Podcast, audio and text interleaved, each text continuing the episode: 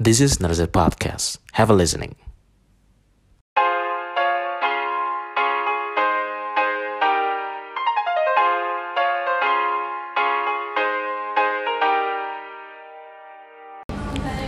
Menjelang akhir tahun 2021 ini di Desember 2021 em, gua bisa akhirnya bisa bikin podcast lagi bareng teman ngobrol dan kali ini di Desember 2021 menutup tahun 2021 gua akan ngobrol dengan orang yang sangat spesial yang cukup cukup apa ya lagi naik daun juga lah di dunia perfilman ya. Eh, bintang film belum pernah nih ada teman ngobrol Narazer podcast bintang film nih.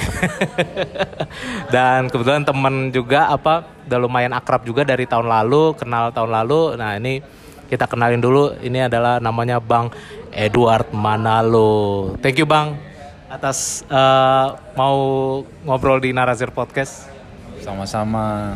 Halo, apa kabar? Baik ya, semoga ya sehat-sehat ya.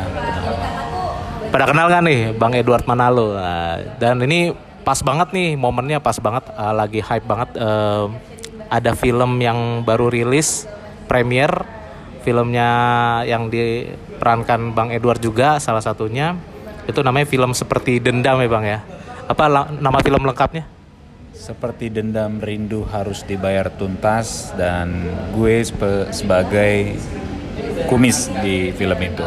si kumis ya Bang ya si kumis apa Bang kumis Si kumis dong. Kalau bang kumis nanti jadinya sate. sate bang kumis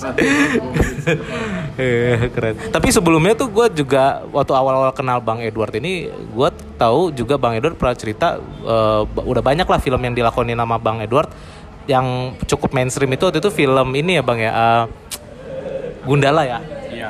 Gundala. Kalau yang action action drama action Gundala. Tapi ada lagi tuh yang sebelumnya itu sempat masuk eh, nominasi di festival film Locarno juga ada istirahatlah kata-kata film tentang Wiji Tukil. Wiji Tukul wes Wiji Tukul itu eh, kalau nggak salah sastrawan ya apa apa sih Iya, sastrawan. pejuang ya kayak Yes. kayak uh, pejuang aktivis aktivis ya Oh, ya, aktivis zaman ini ya era orde baru ya Betul, betul sekali. oh jadi itu ada difilmkan waktu itu ya pernah ya Iya ya nah balik lagi sedikit ke seperti dendam itu kan uh, sempat hype itu kan karena dapat penghargaan internasional ya Leopard ya Leopard apa? Eh, di apa Locarno Film Festival kebetulan setelah 75 tahun berlangsungnya fil- festival film tersebut Indonesia mendapat eh, salah satu apa ya penghargaan atau kesempatan terbaik mendapatkan Golden Leopard untuk Locarno Film Festival dan itu sangat membanggakan sekali hadiah kemerdekaan hadiah ulang tahun Indonesia tepat yang usia 70 berapa ya? 75 ya? 75, 75. Ya, itu di bulan Agustus ya. oh iya nice ya tapi sebelumnya ada yang pernah itu penghargaan sempat ada film Indonesia pernah dapat penghargaan itu enggak atau baru film seperti dendam aja yang pernah dapat Kalau menurut data ternyata dan satu kebanggaan buat kita Indonesia bahwa itu pertama kali film Indonesia mendapatkan penghargaan Locarno Film Festival yaitu Golden Leopard dan baru film seperti Dendam Rindu Harus Dibayar Tuntas. keren banget Keren banget. Tapi itu eh, itu waktu itu kategorinya apa bang? Eh, kriterianya apa mendapat penghargaan tuh? Dari sisi apa yang dia dapat penghargaan itu? Kan biasanya kan ada film terbaik atau apa apa apa cerita terbaik atau apa gitu gitu. Nah, yang yang dinilai itu adalah dia mempunyai ciri khas yaitu latar belakang tahun 80-an dengan eh, maskulinitas bahwa eh, bagaimana seorang laki-laki yang tidak bisa memberikan eh, apa kepuasan terhadap pasangannya tapi dia bisa memberikan hal lain yang yang mungkin agak apa ya agak tab bukan agak tabu tapi agak berat gitu bahwa seorang laki-laki tuh harus jantan harus jago berantem harus ya pokoknya lelaki banget gitu. Walaupun di, di film itu sebenarnya laki-laki itu nggak bisa ngaceng. Dan itu sangat sangat apa ya sangat menohok ya apa ya bahasa Indonesia apa ya sangat sangat memberikan kesan baru bahwa lelaki nggak bisa ngaceng bagaimana bisa memberikan kepuasan pada istrinya tapi dia jagoan gitu loh. Kadang kan kayaknya bertolak belakang gitu jagoan tapi nggak bisa nganceng gitu kan gimana tuh? Nah itu mungkin apa ya mungkin salah satu nilai juga bahwa ini film gila juga gitu. Di samping memang kadang alurnya itu nggak bisa ketebak ceritanya nggak bisa ditebak seperti apa. Dan dan orang-orang di luar tuh mengapresiasinya sangat luar biasa ya bahwa film tuh nggak bisa kebaca alurnya ke mana gitu. Dan mereka sangat senang sekali karena filmnya artsy banget artistik banget gitu. Nice terus. Iya, gue juga sekarang belakangan suka sih bang yang film-film yang ceritanya nggak nggak ketebak ya, yang spot apa eh, plot twistnya kerasa tapi nggak dipaksain ya. Nggak Plot dipaksain. plot twistnya kita wah gitu. Karena kan karena udah sering-sering se- sering nonton film-film tuh action atau drama atau eh, horror kita kadang-kadang patternnya udah jelas. Eh, bahkan film-film block block blockbuster ya blockbuster atau apa sih? Eh, black black apa box office. Film-film box- film-film box office pun kadang-kadang kalau ceritanya udah ketebak gue udah malas nonton sih biasanya. Jadi makanya kadang-kadang gue udah jarang nonton. Teman-teman gue sih masih banyak suka yang nonton box office ya kayak Marvel atau apa tapi kadang-kadang gue nggak gitu suka udah bosan aja gitu kayak ngerasa "Eh, ya udahlah dulu-dulu gue juga udah nonton begini-begini gitu. Tapi kalau ada film yang plot twistnya bagus apalagi film-film distopia tuh gue sekarang suka banget film-film distopia. Distopia yang kayak jam bumi udah krisis air segala macam kayak gitu-gitu. Gue demen banget tuh kayak gitu-gitu. Nah mungkin seperti dendam punya cerita yang menarik kan ya cerita yang menarik yang kadang bahkan di dunia di dunia timur aja tuh cukup tabu lah membahas membahas yang kayak gini-gini kan yang nggak bisa ngaceng tapi jagoan, segala macam. Jagoan. tapi kan itu itu kayaknya film seperti dendam itu kayak mengekstraksi kalau yang gue tangkap ya cuman dari trailer sama sinopsisnya aja ya gue belum nonton kan belum belum belum nonton kan nonton dong lo ajak teman-teman lu yang mendengar ini juga untuk nonton mumpung ada di bioskop ya sambil promosi bang ya Yoi. tapi gue gue pengen banget nonton entah minggu ini apa minggu depan lah ya minggu depan masih ada lah ya paling lama kalau bisa se- secepat Secepatnya. ini ini Secepatnya. atau hari ini atau besok Eh, Jumat berarti Jumat. Jumat, siap iya. siap siap Jumat berarti ya. Oke. Nah, jadi film seperti Dendam ini eh, tadi balik lagi dia tuh gue lihat sih kayak apa ya eh, c- ceritanya itu cerita-cerita yang tabu and then eh orang nggak mau bahas. Tapi eh, ini nih sorry. Tadi gue balik lagi. Seperti dendam yang gue tangkap adalah mereka mencoba mengekstrasi sisi humanitas dari kehidup- kehidupan manusia pada umumnya di mana sehebat-hebat apa pun lu pasti punya kelemahan-kelemahan yang kadang-kadang konyol kelemahannya gitu. Kadang-kadang konyol ada misalkan ada cowok ganteng, putih, mulus, pinter eh tapi ternyata ada cacatnya apalah gitu Iya. kan. Jadi kayak sama aja juga dengan itu ya si Ajo Kawir ya apa? Ajo Kawir kan. Pemeran utamanya Ajo Kawir kan. Nah, dia juga jagoan di masyarakat bagaimana bagaimana tapi ya nggak bisa ngaceng gitu kan. Ketemu si Iteng gitu kan. Si Itengnya juga gokil banget kan tuh ya. Gue juga agak kaget nih si Iteng kayak begini modelnya kan. Padahal kan dulu si Iteng ini kan dulu yang pemeran di AADC juga kan. Yang. Lydia Sheryl ini kan AADC kan kayak dia aduh lemas gitu ya. Lemas yang yang apa melankolis banget ya. Pas main di sini langsung ganas beringas gitu. Keren keren keren. Nah cuman oke lah. Ini kan memang hype nya di situ ya bang ya. Cuman kan uh, orang paling baru istilahnya baru melihat seseorang tuh ketika lagi sukses ya. Tapi kadang jarang kita melihat uh, apa titik uh, memulai merintisnya seperti apa. Dan kadang-kadang uh, di apa ya terutama di podcast gue ini kan jarang ada jarang ngomongin dunia film lah. Nah gue pengen pengen abang bang Edward ceritalah kayak gitu uh, dunia film dari sisi abang dari kehidupan abang tuh apa sih yang abang pengen advokat advokasikan atau pengen ceritakan ke orang-orang banyak yang mungkin orang eh, masyarakat kebanyakan tuh belum tahu atau belum paham bahwa tuh dunia film tuh seperti ini seperti ini seperti ini. Maksudnya dari sisi mananya nih dari sisi mananya kira-kira apa dari keaktorannya apa dari proses pembuatannya atau eh, dari eh, sudut pandang penjualannya bagaimana seperti itu. Kalau lu gimana? Eh, kita kan melihat em, apa ya orang-orang kan kalau bilang dunia film kan pasti orang cuman melihat yang karakter-karakter yang sering jadi bintang lah. Kalau di Indonesia kan yang benar-benar bintang film tuh kalau laki-laki misalkan Reza Rahardian atau si siapalah aku atau kalau yang cewek-cewek kayak siapa sih kayak Dan Sastro. Dian Sastro Kamidia apa Kamidia ah, siapa Uh, Adina Wirasti. Adinia Wirasti atau misalkan atau em, oh ini atau enggak orang tuh biasanya kalau di Indonesia kan sekarang lagi ngetren banget tuh nonton kayak kayak drama Iya. atau film-film Korea lah Iya. jadi maksudnya tuh sebenarnya eh apa ya istilahnya kalau sudut pandang yang inilah yang diharapkan oleh dunia perfilman tuh dari masyarakat tuh apa sih sebenarnya? Yang selama ini mungkin belum disadari sama masyarakat. Sebenarnya tuh kita pengen tujuannya mau ke arah sini nih gitu. Tapi uh, orang nangkepnya cuman oh Reza Rahardian misalnya gitu ya. Atau misalkan ya nggak apa-apa juga sih Reza Rahardian keren banget gitu. Cuman maksudnya uh, uh, menurut abang tuh em, gimana sih cara masyarakat orang luar sama orang Indonesia melihat film lah dan harapannya tuh ke depan seperti apa? Terus advokasiin aja perjuangannya pemain film di Indonesia tuh seperti apa sih?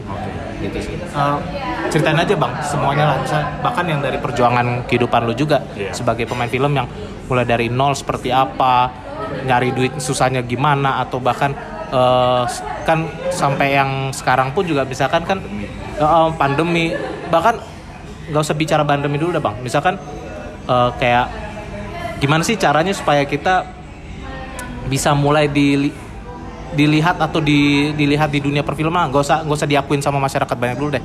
Tapi kita dilihat kualitasnya udah mulai bagus nih oleh sutradara produser eh, apalah gitu-gitu yang yang yang orang-orang film lah.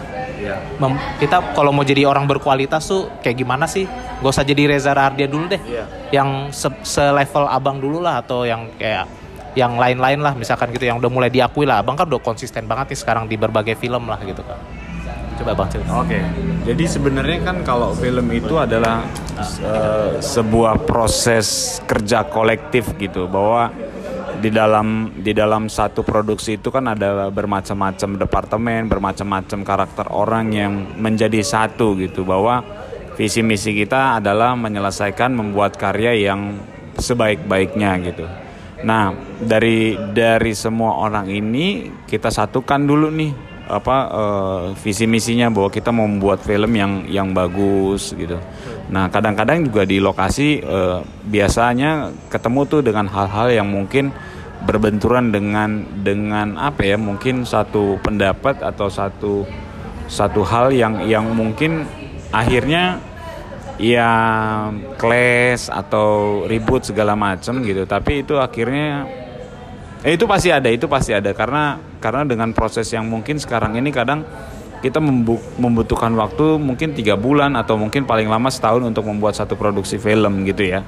Kadang kita juga belum tentu tahu satu satu sama lain karakternya seperti apa gitu. Tapi balik lagi bahwa kita dibantu dengan eh, apa namanya dorongan atau motivasi bahwa kita membuat karya film yang bagus. Itu bisa bisa bisa terlewati. Lalu kalau misalnya ditanya film Indonesia tuh seperti apa sih sekarang gitu ya? Film Indonesia sih sebenarnya bagus bagus lah untuk untuk tahun-tahun ini ya setelah pandemi apalagi sebelum pandemi gitu. Cuma memang kita itu memiliki penonton yang apa ya bisa dibilang ajaib ya. Em, bukan ajaib gitu. Jadi penontonnya itu kalau misalnya lagi genrenya misalnya horor ya. Horor semua. Ntar kalau misalnya komedi komedi semua. Jadi bisa dibilang pasar kita tuh ya boleh boleh dibilang nggak kayak misalnya kalau di Thailand itu ada satu misalnya eh, apa ya namanya eh, bukan komunitas satu analisis bahwa kita tahu nih film kita mau ke mana itu dan ada gitu dan pasti laku gitu. Tapi kalau misalnya eranya sekarang lagi film horor gitu kita mau bikin film drama drama tuh kayaknya mikir dua kali gitu. Wah ini eranya lagi film horor kalau kita mau bikin film drama kayaknya laku nggak ya gitu? Pemikiran produser pasti ke situ. Sama halnya misalnya ini lagi rame teman-teman dari komika gitu oh anak-anak komika nih pakai aja misalnya eh, sorry pakai apa bahasanya? Pokoknya panggil aja lah kita ajak main film. Pasti lucu pasti laku gitu. Tapi sebenarnya itu juga nggak jadi jaminan. Film itu akan laku akan besar akan laris manis di bioskop. Enggak mungkin ada ada beberapa contoh buktinya lah bahwa itu cuman kayak semacam apa ya paradigma aja bahwa apalagi sekarang gini misalnya udah komika terus followernya banyak nih. Sempat nih sampai sekarang ini dilihat bahwa misalnya kalau gue sih pernah ngalamin gini misalnya oh Edward Manalu actingnya bagus gitu skillful lah pokoknya. Tapi followernya nggak ada nih sosial medianya. Ya udahlah nggak usah dipanggil nggak usah dipakai. Nah seperti itu. Nah di kita tuh masih masih masih bicara tentang ke situnya bukan kemampuannya. Karena pasar kita belum kayak misalnya tadi gue cerita tentang Thailand tuh punya punya penonton penontonnya gitu penonton tetapnya gitu. Yang kayaknya misalnya menonton ini udah ini udah udah tahu caranya gimana. Nah kalau kita kan setahun ini misal kita bikin bikin bikin ini kita nggak bisa tahu nih setahun ini laku apa enggak penontonnya ada apa enggak. Pokoknya lempar lempar lempar gitu. Nah kita nggak bisa tahu nih sebenarnya film kita penontonnya di tahun ini apa gitu. Pokoknya misalnya lagi rame sosial medianya lagi kenceng jor-joran ini yang ditonton gitu. Nah sebenarnya kalau dibandingin tadi ada pertanyaan bahwa gimana sih film kita Indonesia sama film Hollywood? Ya kita nggak usah bandingin sama film Hollywood ya. Kalau film Hollywood kan dari segi uh, apa namanya praproduksi, produksi segala macam kalau ngomongin budgeting atau ngomongin produksinya uangnya kan udah pasti gedean sana. Dananya betul. Ya. Lu main film satu film aja untuk 10 tahun mungkin bisa hidup ya kan. Kalau kita mesti satu tahun tuh ada 10 film baru buat itu juga dua tahun gitu.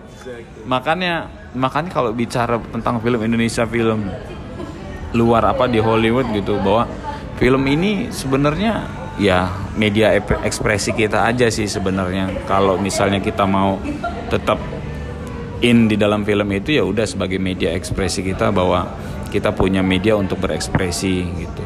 Tapi jangan dibandingkan dengan film-film di Hollywood gitu.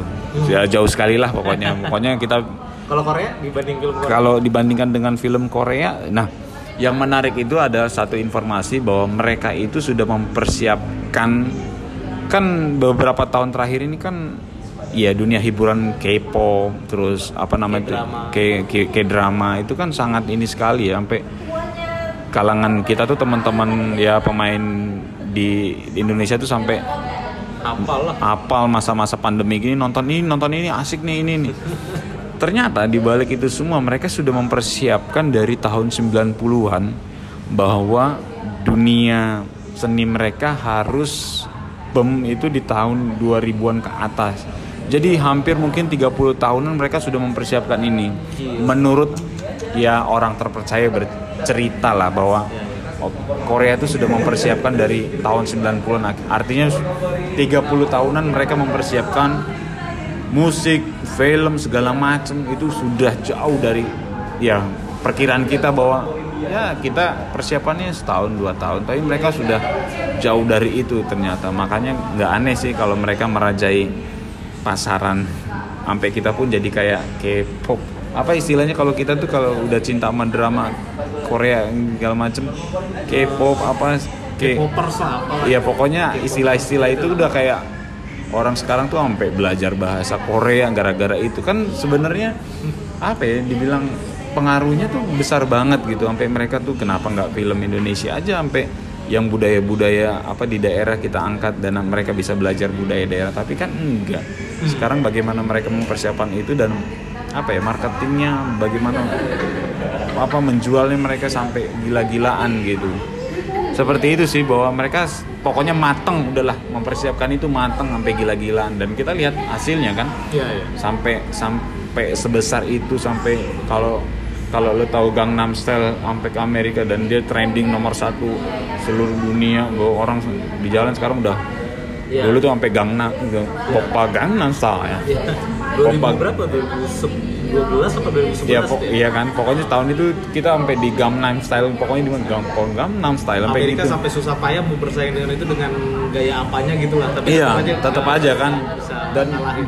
dan ya itulah contohnya bahwa mereka sudah mempersiapkan 30 tahun sebelumnya dan ya sudah terbukti bahwa mereka sedang menguasai dunia ya dunia digital ya ada dramanya ada musiknya pokoknya ya sudahlah dikuasain sama mereka gitu. Terus apalagi tadi bahwa per, ini ya ke festival. Apa? Apalagi? Gue coba komentarin yang tadi bang ya. Eh, soal yang lu bilang ya kayaknya penonton Indonesia juga karakternya seleranya tuh kayak kalau ibarat kalau di dunia pilkada tuh swing voters gitu. Jadi kayak digoyang kanan bisa ke kanan goyang kiri goyang bisa ke kiri gitu kan. Jadi ya tanpa meng ini ya tapi ya kalau gua tangkap ya bang ya. Mungkin abang pakai bahasa halusnya ya tapi kalau gua sih nggak apa-apa. Straight to the forward straight forward aja bahwa ya memang karakter penonton kita tuh memang belum ada karakternya gitu. Ya ngikutin tren aja gitu kan ngikutin apa yang viral aja. Jadi istilahnya belum punya prinsip lah istilahnya ya. Masih agnostik banget gitu. Jadi ya tapi ya mau diapain ya? Ya udah akhirnya eh, industri film di Indonesia jadi orport oportunis saja kan Eh, idealis versus oportun idealis versus komersil idealis versus oportunis. Akhirnya idealisnya selalu kalah gitu kan. Idealisnya selalu kalah karena tidak punya loyal loyal audience gitu kan. Loyal audience yang garis keras gitu. Kayak pecinta anime manga Jepang aja tuh ada pecinta keras ya wibunya gitu kan. Orang yang kayak gue nih gue dulu suka banget Satria Baja Hitam ini Satria Baja Hitam nanti 2022 nanti ada filmnya, dibikin lagi di remake lagi yang Satria Baja Hitam namanya Kamen Rider Black Sun. Sama sama orang Jepang ya? Iya sama Toei-nya dibikin lagi karena peringatan 50 tahun Kamen Rider tahun ini. nonton tuh gua. Tahun depan Kamen Rider Black Sun tahun 2023 Kamen Rider Ichigo yang Kamen Rider pertama yang hijau-hijau itu. Oh itu yang Satria Baja Hitam berarti yang 2022 22 ini? Nah, Kamen Rider Black Sun. Itu yang, yang, Kotaro yang, Minami yang Kotaro Minami kan? Iya betul. Dulu gua nontonnya Betacam loh itu gila banget. Betacam. Betacam tahu kan yang eh Betacam bener ya? Betul, yang betul. yang segede gini Sony Sony itu ya. yang dimasukin jereng. Terus nanti ada gulungannya sendiri gitu kan. Bener. Kan? Yang pitanya gampang kusut ya? Iya.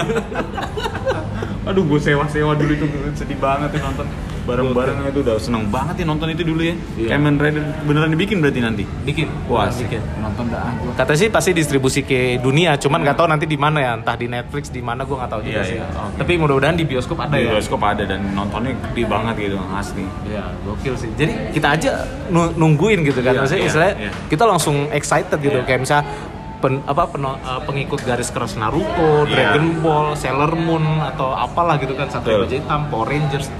Nah, di Indonesia belum ada ya Belum kayak ada, gitu kan. belum ada. Kalau kayak di luar negeri di Amerika penggila Star Wars ada. Iya.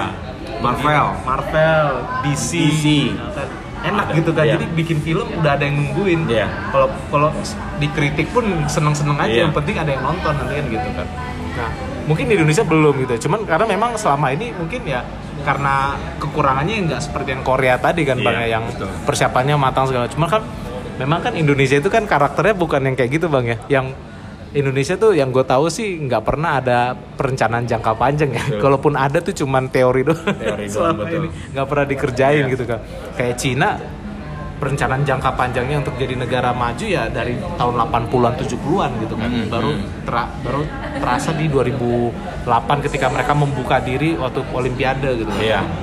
Baru orang kaget oh Cina udah sehebat ini gitu. Tapi mereka udah persiapin 20 30 tahun sama Iya. dengan Korea kan industri hiburannya dipersiapin yang kayak tadi yang ada yang bilang dari tahun 90-an udah dipersiapin gitu kan. Berarti kan emang udah gila gitu kan. Nah, jadi memang ya ya tapi sih memang orang Indonesia menurut gue sih Bang Indonesia se- semua semua pihak ya. Iya. Semua pihak, semua golongan itu memang jarang sih gue nemu yang mau menderita puluhan tahun untuk mencapai sukses yang besar di 10 atau berapa tahun kemudian sih. Jadi memang ya karena tuh kalau gue lihat sih ya karena tuntutan kehidupan sosial kita juga ya. Betul. Maksudnya kayak contoh paling gampang deh. Lu kalau kayak misalnya gue nih entrepreneur nih. Kalau misalkan nggak berhasil lima tahun, dua tahun sampai lima tahun aja udah dianggap udahlah janganlah balik lagi ke- kerja kantoran lah gitu. Padahal sebenarnya kalau mungkin kalau di luar negeri dibiarin aja, ya udah nggak apa-apa kerjanya aja terus. Nanti karena mereka tahu ini entrepreneur itu baru menuai hasil tuh kayak tahun ke-6, Lima, iya, tahun lima, ke enam, bahkan iya. 10 baru Iya. mulai stabil gitu Iya. kan. Tapi ya di Indonesia nggak kenal karakter seperti itu ya harus kerja cari duit biar buat Yang jelas lah ketahuannya. Iya. Yang jelas lah gitu. Ketahuan lu tiap bulan dapat dah Ah. dari PNS lah. Ah, betul. nikah, nikah biar biar ada biar anak istri lu bisa makan Iya. segala macam gitu. Jadi oke lah back back again tuh ini kan dunia perfilman jadi Tapi gini, buku boleh sambung dulu nggak? Boleh, boleh. Barusan lu bilang bahwa Ah, ah. sebenarnya eh, kita tuh sekarang di eranya instan gitu. Instan tuh maksudnya eh, apa-apa tuh pengen cepet gitu. Ya. Dan proses tuh kayaknya udahlah nggak usah proses-proses. Pokoknya yang penting apa itu proses gitu Nah, apa itu proses gitu? Sebenarnya mereka nggak tahu kali bahwa apa istilahnya hasil tidak mengkhianati proses atau proses tidak mengkhianati hasil. Mereka nggak kenal itu. Pokoknya gimana gue cepet terkenal, gue cepet dapat uang, kaya udah gitu. Masa masa bodoh dah proses yang lu bilang tadi bahwa ada sakit-sakit dahulu, baru bersenang-senang kemudian kayak gitu-gitu nggak ada. Yang penting mereka adalah bagaimana hari ini gue bisa cepet terkenal, menghasilkan duit, segala hal cara kalau bisa dilakukan gue lakukan gitu. Misalnya dengan viral, entah gue melakukan apa atau Sensasi. sensasi.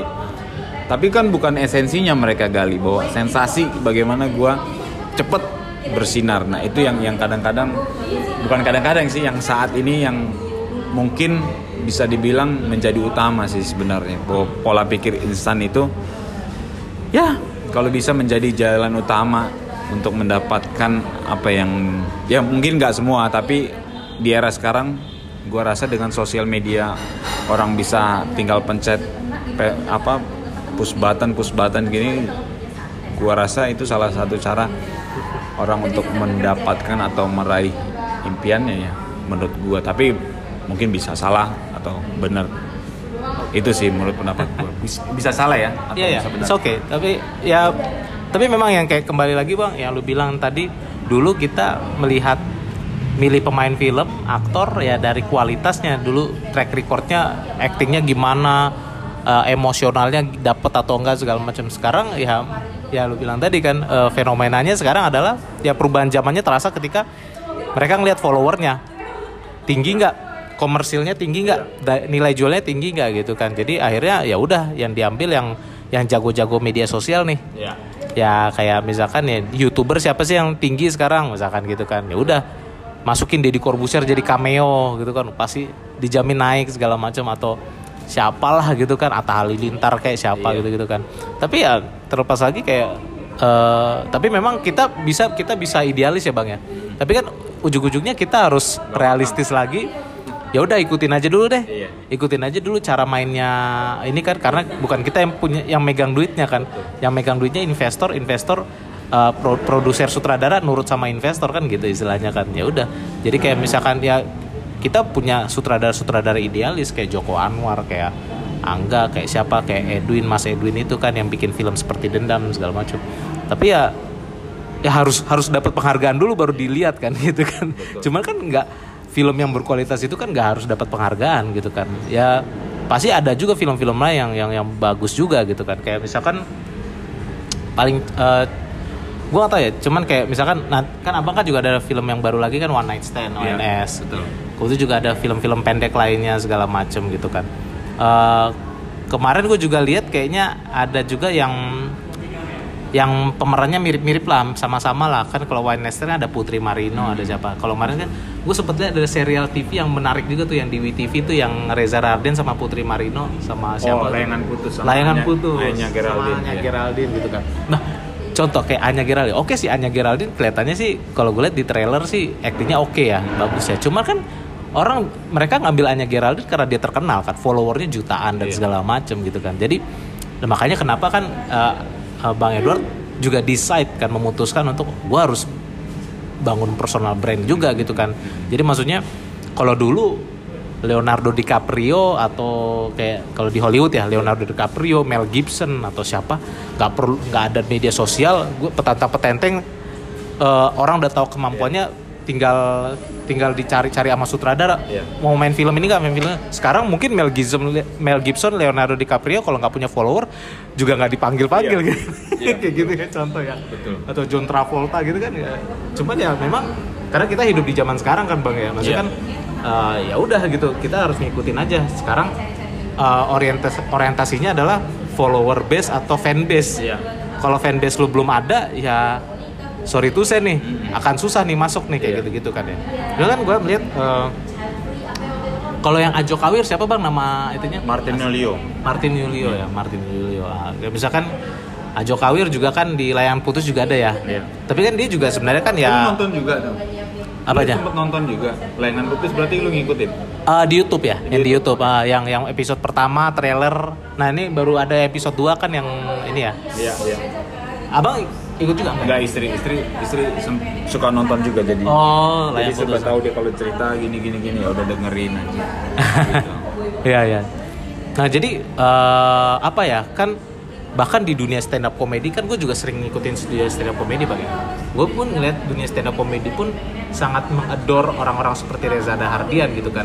Eh, kayak misalkan Ernest aja. Ernest kita bicara kan soal Ernest, Ernest jago lah, lumayan lah, udah lumayan untuk ukuran yang bukan backgroundnya bukan non Iya. non non teater, non Iya. non non sinematik gitu kan Nah. dia lumayan oke lah bikin film tapi dia sendiri ngaku acting gue tuh nggak biasa banget B banget gitu kan B aja gitu kan sama kayak eh, ya kayak misalkan contoh Panji lah Panji juga kan berusaha untuk jago di dunia film juga kan ya tapi ya ya oke lah tapi kan nggak maksudnya pada akhirnya kan orang tahu lah siapa yang bener-bener eh, into bener-bener apa namanya kalau puzzle puzzle tuh cocok lah. Mas Iya, pas iya. banget masuk ketika di dunia film gitu kan. Tapi ya memang uh, untuk membuktikan itu ya kita harus cari fanbase dulu kan bisa gitu ya. betul, betul. nah kalau misalkan abang nih uh, bang Edward nih uh, kan udah berkarir film lah gitu ya udah lama lah. Uh, dulu dari tahun berapa sih bang? Dan itu beberapa film-film pertama abang tuh apa aja sih waktu pas memulai itu memulai meniti karir sebagai aktor film lah. Karena kan mungkin dulu mungkin ya gue nggak tahu juga bang ya. Mungkin pekerjaannya dulu bukan itu tapi setelah pas mulai lama sering main film akhirnya akhirnya akhirnya jadi decide to be uh, full timer aktor film lah gitu kan. Iya. sebelum sebelum pandemi uh, ini ya me- menghempas kita ya gitu. kita dan masuk ke Indonesia ya. Ya sebelum itu kan sempat keganggu lah Iya, tapi ya puji Tuhan sekarang udah mulai agak stabil lah ya gitu kan. Nah, waktu itu abang pernah cerita lah cuman boleh lah diceri- waktu kita pernah Iya. awal-awal kita kenalan lah ngobrol ya. Boleh lah abang ceritain lagi itu uh, tahun berapa sih perjalanannya dari tahun berapa no, main film apa aja dan seterusnya dan seterusnya. Oke. Kalau misalnya pertama kali itu eh, gua itu masuk teater yaitu eh, namanya teater populer. Ada di daerah Tanah Abang situlah. Dan dan oh komunitas gitu ya bang ya? Komunitas. Komunitas. dan itu sudah terkenal banget. Dan gue waktu pertama kali itu belum tahu teater populer itu em, pimpinan siapa gitu. Pas sudah sampai situ tuh gue baru tahu ternyata itu adalah punyanya maestro film dan teater Indonesia yaitu Teguh Karya di mana di dalam proses pembuatan film selama berkarya dia itu menghasilkan 52 piala citra untuk eh, festival film Indonesia lah. Maksudnya festival film bergengsi di Indonesia lah. Ya seperti film-film di Hollywood atau di Cannes atau di Locarno. Nah dia tuh sudah mungkin mungkin dia salah satu atau sutradara hebat yang pernah dimiliki Indonesia yang pernah meraih 52 pi- eh, piala citra selama berkarya dengan 13 film. Dan itu salah satu dan mungkin belum ada yang mengalahkan gitu sampai tercatat sampai akhir ini gitu. Nah gue sih dimulai dari awalan waktu itu diajak temen bahwa di teater populer itu ada produksi untuk TVRI waktu itu nah dari situ gue diajak sama itu gue tahun berapa bang? Tahun 2005 2005 gue diajak sama temen kalau nggak salah. Ya namanya ada Pepi waktu itu. Eh, temen gue tuh sebelum masuk ke sini ya kalau boleh cerita lagi bahwa gue tuh ikut salah satu series waktu itu. Ya silat-silat gitulah. Nah itu nggak nggak memberikan gue kepuasan bahwa gue tuh pengen yang lebih gitu. Dalam arti bukan materi ya maksudnya pengen belajar menggali ilmu mendapatkan ilmu belajar lagi terus. Gue pengen belajar acting gitu. Bener-beneran gue tuh nggak cuma yang cuma bisa naik kuda naik ya bersilat kayak gitu gitu lu pernah tahu angling dharma segala macam macam gitu Iya, iya. ya kayak gitu gitu deh oh pokoknya. pernah lah. Jadi pernah. ekstras gitu bang atau? Enggak waktu itu ada pemilihan serat eh, se- 11 pendekar eh, api di Bukit Menoreh waktu itu di jauh tahun 2003 tuh waktu 2004 ya kalau nggak salah. Audisi ya. audisi waktu itu gue suka baca kebetulan. Nah ini awal mula gue kenapa jatuh cinta sama seni peran acting itu. Gue ngikut audisi itu dari 1100 orang yang kepilih menjadi mengerucut lagi jadi 11 pendekar fil eh, 11 pendekar api di Bukit Menoreh yaitu diambil cerita dari n- apa cerita rakyat waktu itu eh, dari Esa Minte Harja. Waktu itu cerita Novel-novel gitu ya, Pak? nah novel-novel jam ya rakyat gitu yang yang berapa halaman gitu. Nah itu sangat sangat menarik sekali karena sampai 1000 episode itu bukunya tuh. Ada pokoknya panjang sekali lah gitu. Nah singkat cerita gue ikutlah audisi ini. Iya. masuklah. Dan syuting lah di daerah Cikampek waktu itu studio alam TVRI Eh, sorry studio alamnya ada salah satu TV swasta lah ya nggak usah disebutin boleh disebutin Sebutin aja. Ah, Indosiar waktu itu kalau nggak salah di daerah Purwakarta. Nah dari situlah gue mulai tuh hampir setahunan kalau nggak salah syuting di sana terus di hutan. Dari situ gue pengen belajar. Aduh itu usia gue 19 tahun ketu keluar dari SMA waktu itu langsung kepilih itu dan wah gue seneng banget waktu itu dapat bisa dapat duit lumayan besar ya Zor. Maksudnya di saat gue baru lulus sekolah terus gue dapat duit banyak tuh syuting tuh kayaknya bangga banget gitu. Dan dari situ tuh gue pengen belajar. Belajar acting lebih jauh lagi. Akhirnya gue ketemu lah sama Pepi yang satu produksi ini. Dia 11 pendekar juga waktu itu. Nah gue dari situ pengen belajar diajak lah gue waktu itu produksinya teater populer ini yang akhirnya gue masuk ke situ. Belajar teater belajar tentang semua lah ilmu kehidupan tetapi teman gue yang ngajak ini dia nggak bertahan. Maksudnya ya mungkin dia punya punya tanggungan. Jujur waktu itu emang uangnya nggak seberapa Zur yang di di teater populer ini. 11 episode untuk TVRI apa komedi situasi waktu itu. Nah duitnya nggak mau nggak nggak terlalu banyak. Akhirnya teman gue memutuskan diri untuk keluar pergi dan gue bertahan di situ. Hmm. hampir eh, So, ya Pepi namanya. Pepi Pepi Pepi Yanti. Sekarang dia udah jadi ibu komandan angkatan laut deh sekarang. Oh, jadi suaminya angkatan laut mayor Maizen terus ya disebutinnya siapa tahu ntar ada pendengarnya terus kenal sama dia. Halo TVP Pebianti sehat-sehat gitu ya. Eh, boleh boleh. boleh ya. Nah. nah dari situ eh, akhirnya gue bertahan tuh. Dia keluar gue bertahan di situ sampai 2012 13 sangat idealis sekali gue belajar teater ternyata belajar teater atau acting itu bukan tentang acting nangis gimana marah gimana tapi lebih kayak belajar tentang kehidupan gitu yuk kita ngerawat taman, ngerawat pohon, ngerawat lingkungan kita gitu. Gua Gitu. bilang, iya, bukan acting yang kayak mungkin kalau lo pernah dengar sekolah acting yang kayak apa sih nangis kayak apa sih kayak gitu. Nah di situ tuh enggak tuh marah seperti apa gitu. Nah di sanggar teater populer yang gue dapat adalah gue bukan belajar acting marah kayak gimana nangis marah gitu. Tapi yuk kita ngerawat nih rumah ngerawat pohon ngerawat halaman ngerawat lingkungan bagaimana bercengkrama berbagai apa eh, apa ya istilahnya apa yang sikap kita terhadap tetangga seperti apa gitu. Bahwa bahwa hidup tuh lingkungan kita tuh juga kita harus bersosialisasi kayak gitu-gitu. Belajar actingnya kayak gitu sampai kita tuh punya punya satu materi apa metode pelajaran? Kita harus jalan kaki ke pasar Tanah Abang lewatin rel kereta. Tanpa alas kaki kita lihat kehidupan sekitar seperti apa. Belajarnya begitu.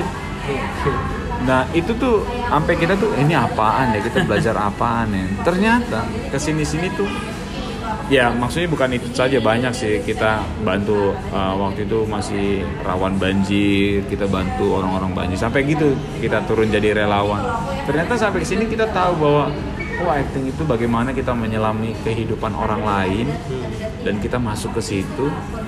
Kita kita kita kita hidup di dalam kehidupan itu. Ternyata apa yang gue pikirkan waktu itu tuh salah ya ternyata ngapain nih belajar kayak gini? Acting tuh nggak kayak gini. Ternyata itu salah. Ternyata itu ada manfaatnya ada gunanya sampai ke kehidupan gue yang sekarang memang sudah totally di acting gitu. Dan itu sangat membantu sekali gitu. Dan dan sampai tahun berapa gue baru memutuskan untuk main film pertama gue selama bertahun-tahun di sanggar latihan.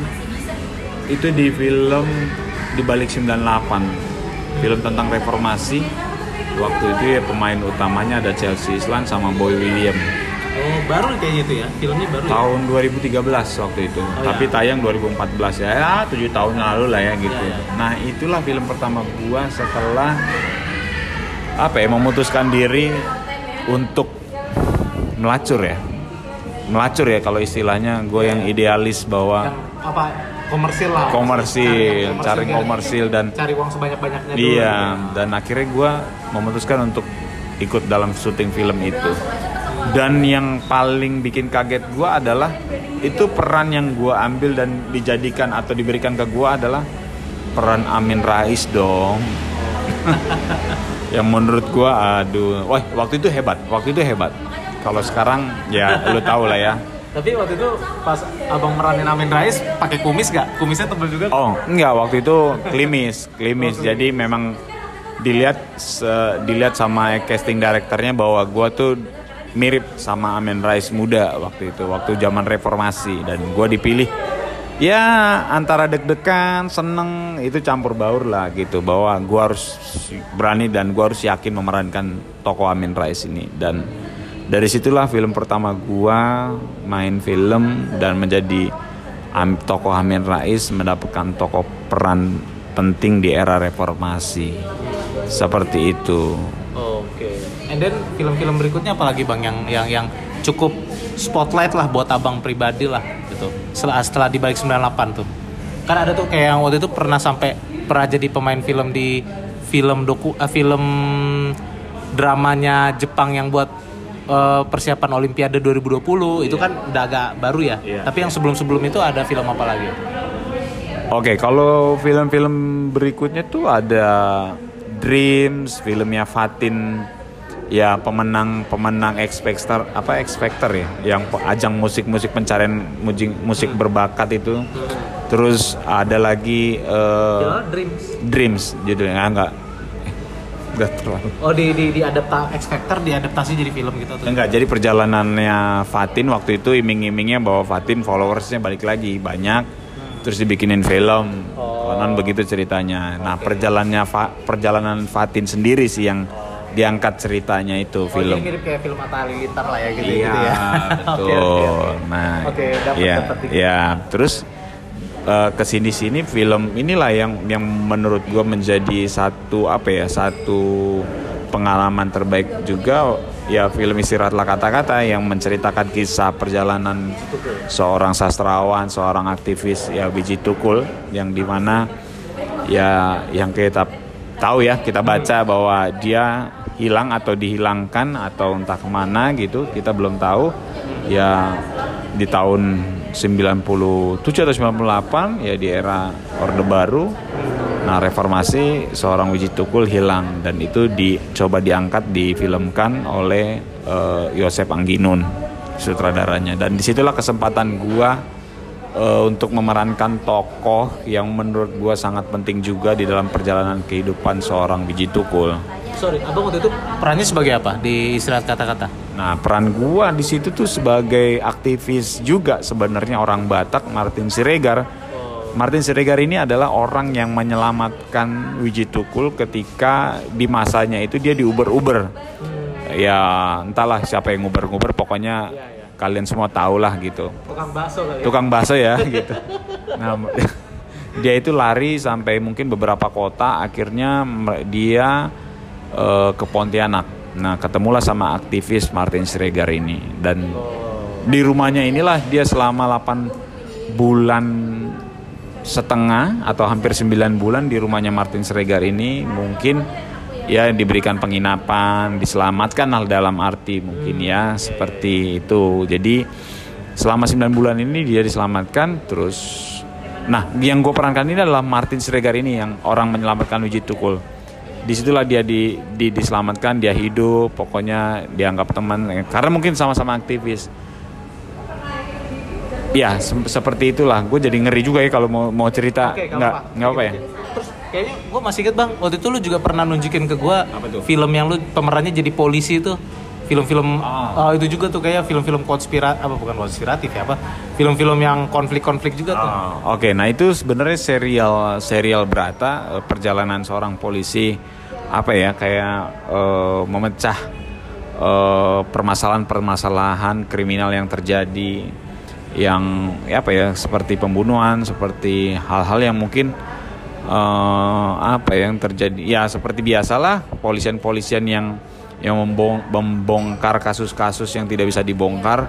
Nah kebetulan gue jadi komandannya di situ. Pak Setiawan menjadi komandannya Berata yang menolong Berata di masa mudanya yang akhirnya membantu dia untuk menjadikan seorang eh, reserse atau apa ya satu satu polisi yang membanggakan dibanggakan. Di cerita itu ya. Jadi ya Setiawan sangat berpengaruh dalam kehidupan Berata gitu. itu itu TV series TV series apa fi- film Ah itu TV series di Hook ya. Nggak, tapi sekarang Hook udah nggak ada kayaknya ya. Ke mana ya Zor? Nggak ngerti dah kalau platform-platform gitu ngikutin susah juga eh, kadang. Dulu juga ada iFlix sekarang Iya, juga nggak tahu iFlix ke mana. Film Jepang belum tuh yang tadi lu tanyain film Jepang. oh ya film Jepang ya? Oh ya boleh boleh boleh. Nah kalau film Jepang itu gua casting waktu itu perannya sebagai karena gini prosesnya itu eh, kenapa film itu dibuat? Karena Jepang kebetulan menjadi tuan rumah Olimpiade 2020 ya kalau nggak salah ya. yang digelar tahun ini Nah tahun ini sebenarnya tahun 2020 itu karena pandemi menyerang seluruh dunia akhirnya semua event atau semua acara mundur. Nah itu sebenarnya basic ceritanya itu adalah Jepang mau cerita bahwa di tahun awal dia mengadakan Olimpiade itu ternyata pernah punya clash punya punya masalah karena waktu itu Jepang pernah menjajah Indonesia ya jadi kayak ada dendam ya, dendam, dendam, kayak ada konflik dendam. Nah waktu tahun 1962 kan Asian Games di Indonesia tuh waktu itu Pak ah, ah, Pak Soekarno bikin hotel Indonesia segala macem bikin Senayan apa Gelora Bung Karno menjadi luar biasa eh, perhelatan apa eh, olahraga seluruh Asia ya kalau nggak salah itu. Iya, iya. Nah waktu itu Jepang diikut sertakan gitu bahwa sebenarnya Jepang ikut serta atau tidak karena mas- masih ada intrik-intrik politik bahwa dia pernah menjajah. Nah itu jadi masalah. Nah kebetulan Jepang waktu itu tidak bisa bahasa se- selain Jepang dia nggak bisa bahasa Inggris nggak bisa pokoknya bahasa ibu pertiwi mereka lah. Dan di tahun itu mereka kan nggak bisa nggak bisa inilah pokoknya cuma bahasa Jepang aja. Nah kebetulan ada pelajar mahasiswa Indonesia yang belajar tentang ya sastra Jepang di sana. Nah satu orang itu menjadi kontingen eh, Jepang untuk menjadi translator Jepang ke Indonesia waktu itu tahun 62 dan orang itu kebetulan yang dipilih gua oh lu yang, lu yang memerankan. memerankan orang itu waktu itu menjadi ngomong pakai bahasa-bahasa Jepang juga dong lo? Yes kebetulan kebetulan untungnya karena gua pinter asik. Asik gokil. dan cerdas gitu. Luar biasa. Gue berapa kali ternyata mereka suka. Dia bilang you very smart. Dia bilang gitu loh beneran gue nih you very smart. Your accent is very beautiful katanya. Dan lu sangat very apa ya sangat Bangga lah ya. bangga dan lu sangat cepet gue jarang ketemu sama orang-orang yang aktor kayak lu bisa cepet belajar bahasa gitu. Dan gue sangat gue Tersanjung ya, tersanjung. tersanjung ya. Terhibur juga gitu. Dan oh bangga sekali gue dibilang gitu. Tapi yang mau gue bilang bahwa mereka itu mentreat aktor-aktor yang datang ke sana itu sangat luar biasa loh. Sangat sangat apa ya gue mau cerita sedikit sih. Iya, iya. kayak perlakuan mereka sama aktor-aktor yang orang-orang yang bekerja di seni itu beda sekali gitu di jamunya seperti apa di fasilitasinya seperti apa. Ya bukan membandingkan sama di sini ya. Ya mungkin beda lah budget produksinya tapi gue sih nggak bicara budget produksi tapi mereka memperlakukan pekerja seni itu yang yang menurut gue anjir jadi gue di di Jepang tuh kayaknya di tapi itu yang yang diperlakukan dengan sangat baik itu bukan cuma lu doang kan bang di situ? Semua pemeran atau Iya, kebetulan semua pemeran pokoknya pekerja seni saat itu atau orang-orang yang ikut dalam produksi itu di dijamu atau di servisnya layaknya oh ini pekerja seni luar biasa gitu karena mereka pikir wah ini orang hebat nih yang bisa berperan di sini gitu. Menurut gue gue juga jadi bangga sih kayak anjir. Gue dikasih hotel di tengah-tengah Tokyo itu kayaknya anjing banget gitu. di Tokyo loh. Di Tik mahal gila loh. Di Tokyo satu hotel tuh mungkin satu satu malam tuh bisa antara mungkin kalau di rupiah bisa dua setengah juta tuh. Buat gue kalau udah harga segitu kan pasti hotel berbintang bagus lah ya kalau di Jakarta. Maksud buat gue anjir gue ditaruh di tengah-tengah Tokyo nih coy. teman-teman gue uh, banyak lah teman-teman atau bahkan apa yang bukan artis aja tuh biasanya ya kayak inilah ya kalau liburan ke Jepang pasti nyari hotel kapsul nyari Airbnb kan gitu kan karena hotel di sana kan jangan kan ya bintang 5 yang bintang 3 bintang 2 aja mahal gila apalagi bintang 4 bintang 5 kan. Iya dan itu gue ngerasa anjir ini gila ini gue gue gue bersyukur banget sama Tuhan gue profesi gue aktor gue tuh gue dapet ini gitu. Gue gue di tengah Tokyo nih men gitu. Kalau gue nggak ngejadi aktor gue nggak mungkin nih bayar hotel di tengah Tokyo. Yang gue bisa lihat woi subway itu kalau mau ke subway ke situ gue mau ke apa namanya tuh uh, uh, ya pokoknya yang Shibuya. Shibuya Hachiko itu ya bener kan? Deket ke situ. Terus gue mau beli ah Z gue bilang mimpi banget gue pokoknya luar biasa sih. Itu 2019 itu 2019 uh, Agustus. Dan tayangnya wakti itu di Henaka enak kan? ya mungkin Stasiun sta- ya, stasiun TVRI-nya sana lah gitu ya. T- TV-nya sana gitu. Dan itu sangat wah luar biasa gede banget studio. Tapi yang gue sayangkan itu yang pernah lu ceritakan itu cuma tayang di Jepang kan ya. Yang gue sayangkan itu sebenarnya harusnya jangan cuma di Jepang ya, harusnya bisa ditayangkan di tempat lain juga sebenarnya kan. Karena kan tuh hype-nya Olimpiade kan. Iya betul. Harusnya sih sebenarnya tayang ke eh nggak tahu ya itu kan karena NHK itu katanya kayak TV kabel gitu. Jadi bisa dilihat di mana-mana gitu. Kayaknya sempat bisa dilihat dari Indonesia juga. Gue cuman gue nggak tahu waktu itu ada jam-jamnya gitu. Jamnya di Indonesia jam berapa? Benar. Nah itu bisa dilihat di sana. Namanya NHK. Iya ya. Dulu Nah. pas langganan Al- ada kan? Dulu ada ada ada Ada NAK, ada NAK.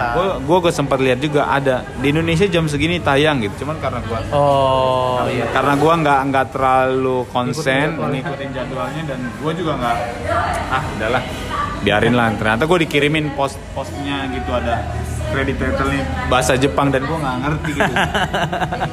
Aduh pokoknya luar biasa lah pengalaman terbaik itu buat gua waktu itu. Sangat ini Bang ya, apa berkesan banget ya. berkesan sekali sangat bangga sekali. Terus gua bisa di tengah-tengah Tokyo gue bisa nginep di hotel mewah mewah lah menurut gue sih. Iya ya, iyalah pasti mewah lah Bang kalau di tengah Tokyo mah gila tuh. Walaupun mungkin mewahnya be- beda tipis sama di Jakarta tapi harganya beda jauh. beda jauh banget banget banget banget banget Eh, kalau misalkan gue coba tanya nih bang, kan kita udah sering cerit ngobrol bareng lah, kita kan udah lumayan berapa bulan terakhir lumayan dekat lah kan ngobrol segala macem. Eh, kalau yang gue tangkep nih ada nih satu tokoh yang menjadi inspirasi abang nih, terutama waktu pas abang di teater populer Tanah Abang ya. Tapi gue mau tanya lagi nih, tok eh, aktor inspiratif lu tuh siapa sih bang? Yang menginspirasi lu? Misalkan kalau kalau kayak pemain bola tuh eh, Lionel Messi inspirasi dia dulu Diego Maradona misalnya atau kayak misalkan eh, atau misalkan pemain-pemain Barcelona inspirasinya Johan Cruyff. Pemain Belanda Johan Cruyff inspirasi. Nah Ini lu luar, dulu luar negeri bu? Apa Indonesia nih? any anyone lah. Anyone yang bener-bener lu berkesan banget yang lu nggak harus ngikutin dia sih tapi lu termotivasi menjadi pemain film itu karena dia juga gitu karena dia eh, bisa dua bisa tiga cowok cewek dan segala macam Kalau di luar ya mungkin yang memberikan inspirasi atau inspiratif aktor itu gue sih suka sama Dustin Hoffman. Ada dua nggak apa-apa ya? Ada Al Pacino sebenarnya. Nah itu gue sangat suka. aslinya ya Al Pacino Kalau Al Pacino nama aslinya kalau nggak salah, eh, aduh gue bukan, eh, eh, aduh Al Pacino, Al- Albert, Albert, Albert Thomas Pacino apa gitu pokoknya, Albert itu Robert. yang anaknya si Godfather itu kan Iya betul, yang anaknya Godfather. Nah itu tuh tiga aktor yang di situ tuh gokil-gokil banget tuh. Albert James Pacino. Kalau James Pacino. Albert Alnya diambil Pacinonya jadi kayak disambungin. Jamesnya nggak dipakai. Buat nama panggungnya lah ya. Iya, Al Pacino, Daf- Dustin Hoffman. Dia yang main yang main yang main Rain Man, Rain Man. Rain Man sama si Tom Cruise. Terus ada Kramer versus Kramer. Terus ada kalau dia pertama filmnya itu adalah Graduates, Graduates. Jadi dia suka sama yang lebih tua gitu, tante-tante gitu. Itu keren banget sih itu gua udah nonton. Nah kalau gua di Indonesia-nya boleh nggak di Indonesia-nya? Iya, iya. Di Indonesia-nya tuh gua suka sekali sama Pak Slamet Raharjo. Menurut gua dia adalah salah satu aktor Indonesia sampai saat ini yang masih apa ya?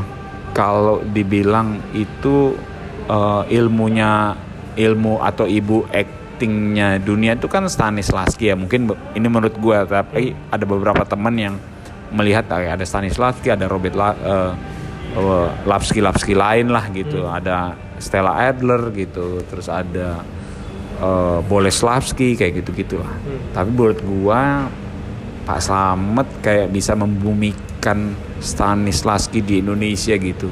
Dan aktingnya tuh menurut gua bagus banget sih gitu dan sampai detik ini mungkin menurut gue belum ada yang bisa menggantikan dia dan dia adalah salah satu aktor dan peraih Piala Citra dua kali dan bisa menyutradarai film dan dua kali Piala Citra pula. Belum ada yang mengalahkan juga. Slamet Men- Raharjo. Slamet Raharjo. Menurut gua kalau gue lihat dia dua kali aktor best actor sama best directing untuk film Film-film tahun berapa tuh bang? itu dia tahun 80-an kalau nggak Lokasi ya? salah yang terkenal itu ada satu eh, eh, kembang kertas satu sama kalau nggak salah eh karma. Eh sorry kodrat. Iya dari situ filmnya dua best director dia dapat dan dia dua aktor terbaiknya satu di di balik lampu sama satu lagi eh eh, ranjang pengantin.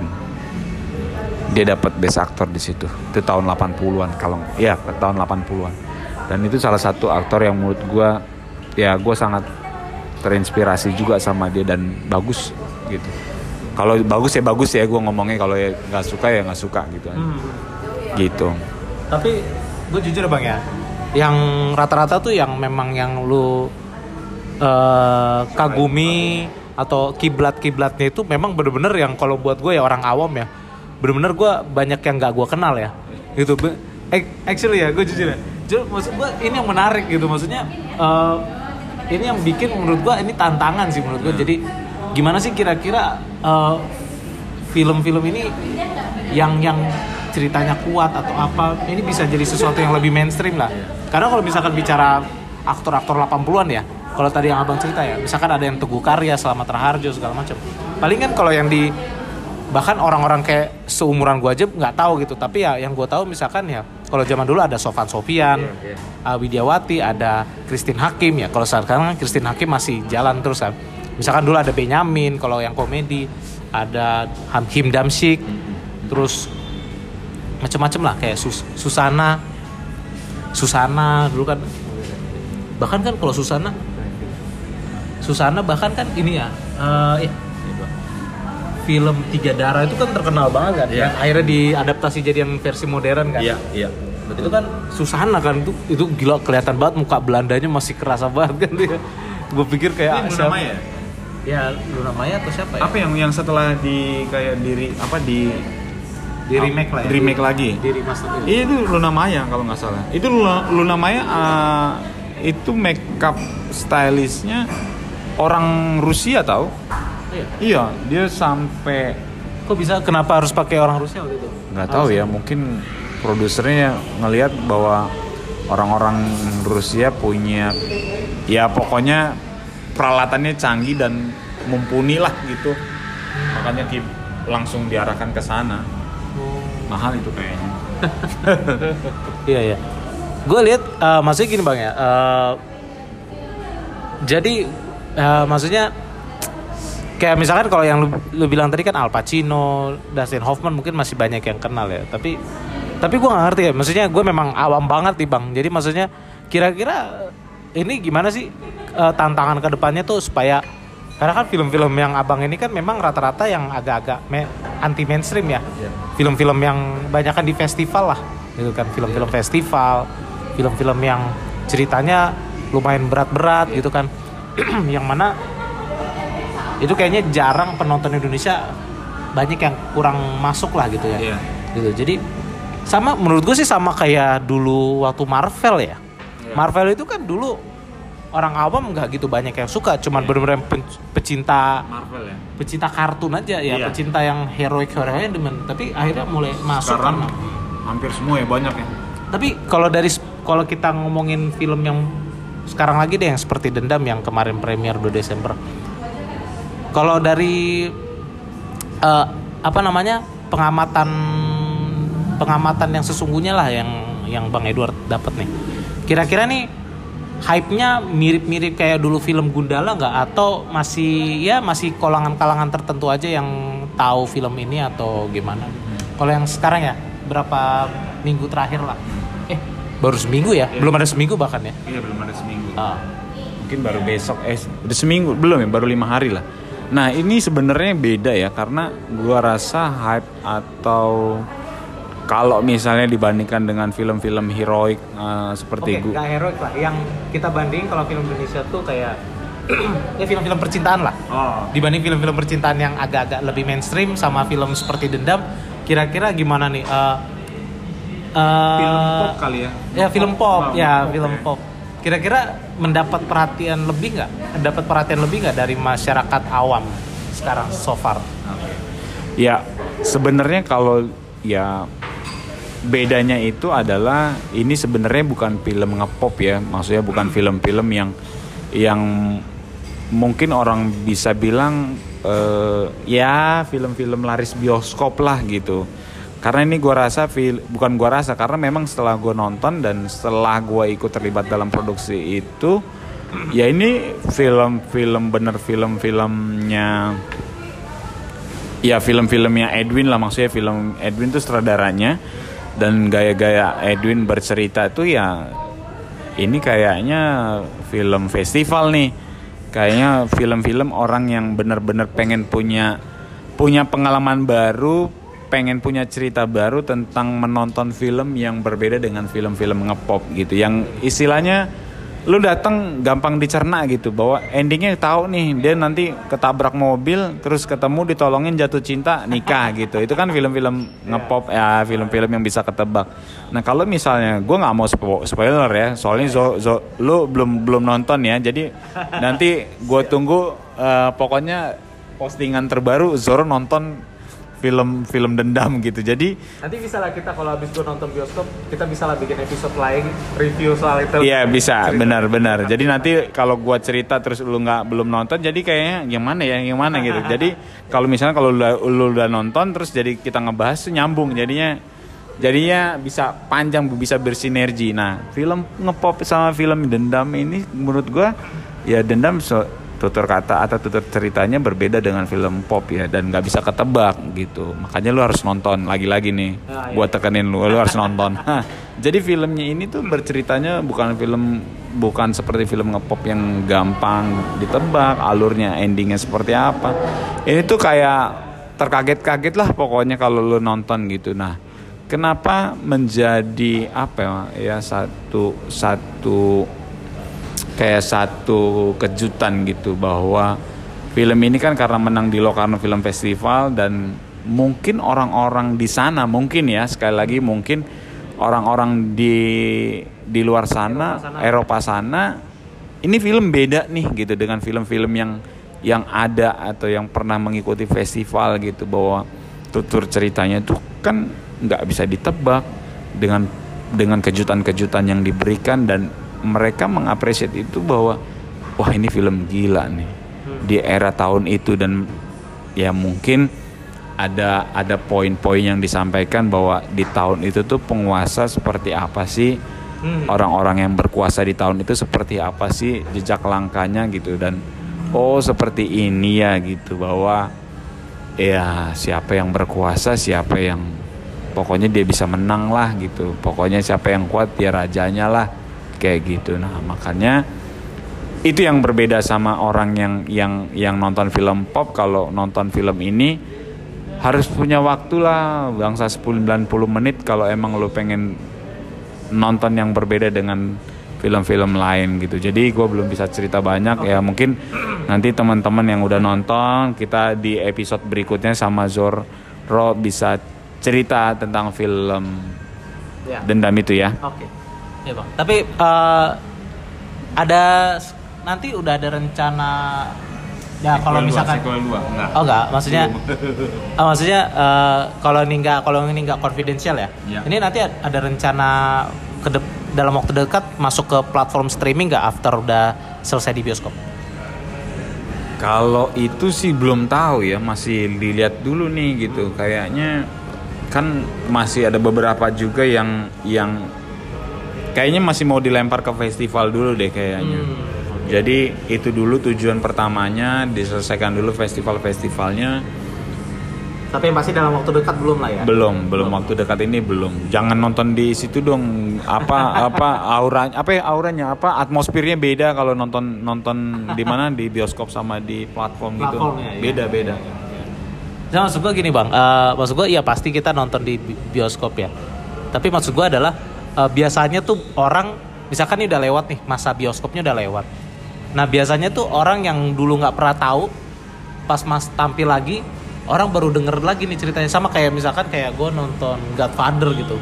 Dulu kan gue nggak pernah nonton Godfather kan. Ah. Ya mungkin orang dulu nonton di bioskop, tapi gue baru nonton pas udah udah lewat berapa puluh tahun. ya. beneran? Godfather. Nah, sampai Iya. tiga.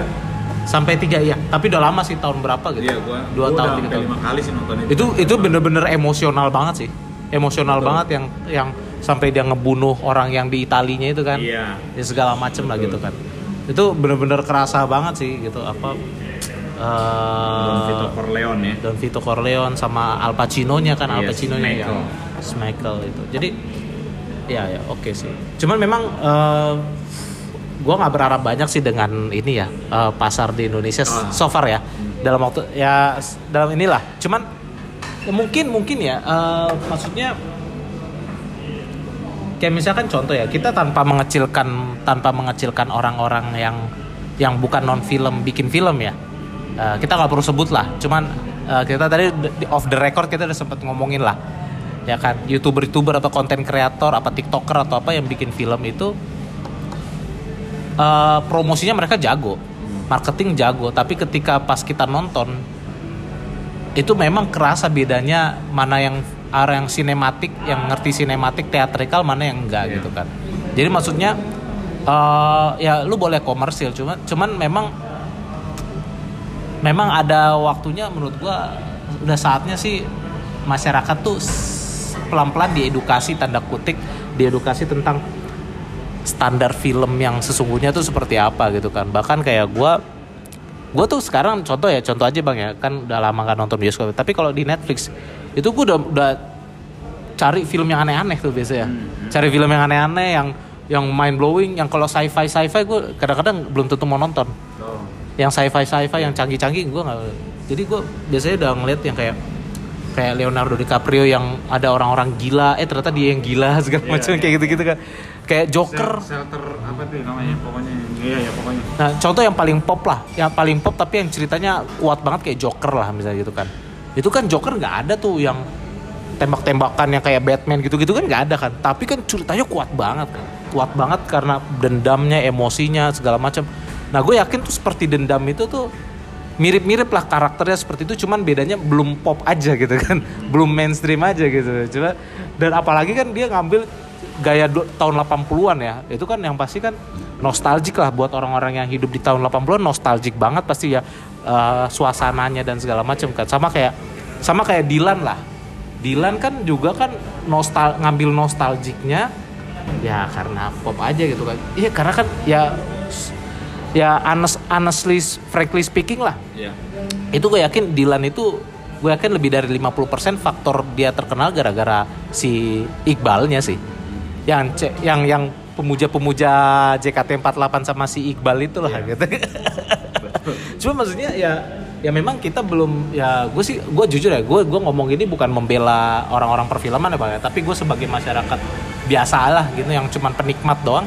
Gue melihat memang memang uh, kita nih terlalu apa ya memang karakter selera pasar kita tuh memang masih terlalu belum mature lah belum mature aja gitu belum mature belum siap mature ya kalau gue dulu ya gue menikmati yang kayak gitu-gitu tahun masih SMA kuliah eh, SMA SMP gue menikmati tapi kalau sekarang gue mau cari yang lain gitu yeah. ya harusnya orang-orang juga seperti itu ya oh, terutama orang-orang seumuran gue atau di bawah gue dua tahun tiga tahun lima tahun harusnya udah cari yang lain hmm. udah nggak cari yang pop lagi sebenarnya gitu yeah. kan yeah. Misalnya kalau gue cari yang contohnya distopia distopia yang aneh-aneh. Yang aneh-aneh ini maksudnya ceritanya tuh yang wah gitu lah yang bener-bener real banget di dunia nyata tuh kayak gini gitu loh. Atau misalkan yang ya yang nggak cisi lah gitu ya. Yeah. cuman ya gitulah oke. Okay. kita break dulu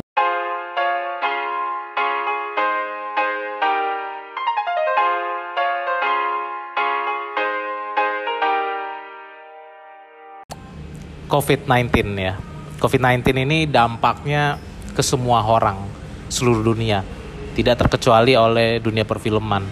Nah, ketika COVID-19 menghantam Indonesia nih di Maret 2020, kemudian naik turun naik turun nggak jelas, dan ya uh, eh, gue juga sempat nonton ya beberapa cuplikan video YouTube-nya seperti dendam yang waktu itu gimana mereka harus perjalanannya harus stop dulu syuting suruh pulang ke rumah masing-masing and then nggak tahu kapan lanjutnya pun juga nggak tahu yeah. gitu kan.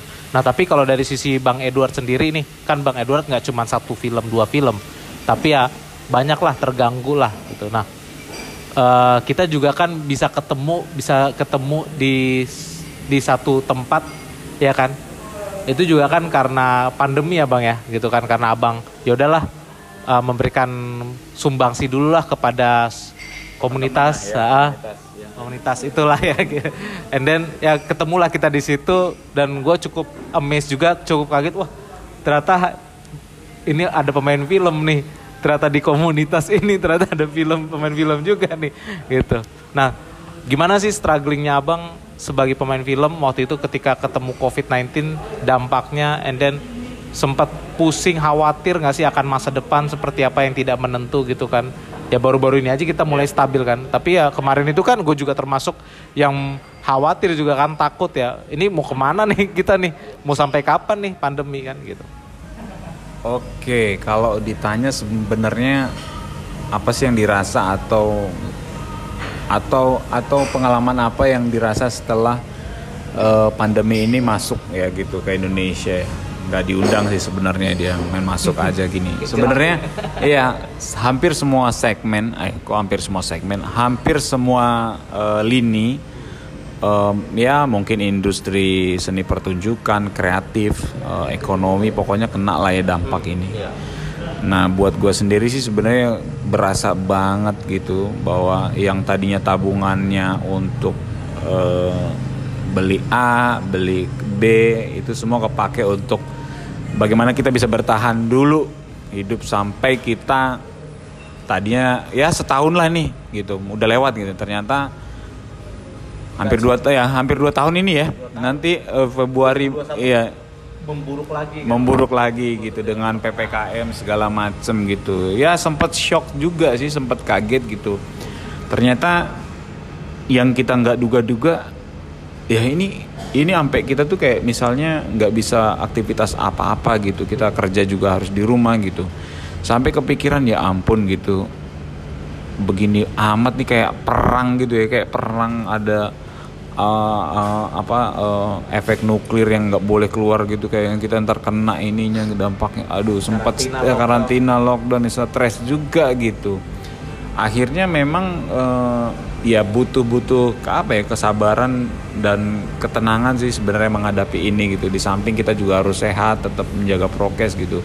Tapi buat gue sendiri sebagai pelaku seni atau aktor yang di mana media ekspresi atau ladang usahanya gitu hmm. adalah film atau seni pertunjukan lainnya seperti teater gitu terpukul sekali dengan adanya ini gitu bahwa waduh gue nggak bisa berkarya gue nggak bisa menghasilkan lagi gitu tapi untungnya gitu bahwa ya istri gitu bahwa kita harus lakukan sesuatu nih supaya bisa bertahan. Akhirnya buka usaha ya kulineri lah istilahnya ya buka-buka kue-kue lah gitu bahwa kita bisa bertahan aja dulu yang penting gitu. Bagaimana covid ini ya biar ya sama-sama lah sama pemerintah. Kita tinggal ngikutin tetap jaga di, apa tetap apa istilahnya protokol ya protokol kesehatan kerja dari rumah segala macam apa yang dibilang ya atau dihimbau sama pemerintah ya kita bantu kita dukung ya.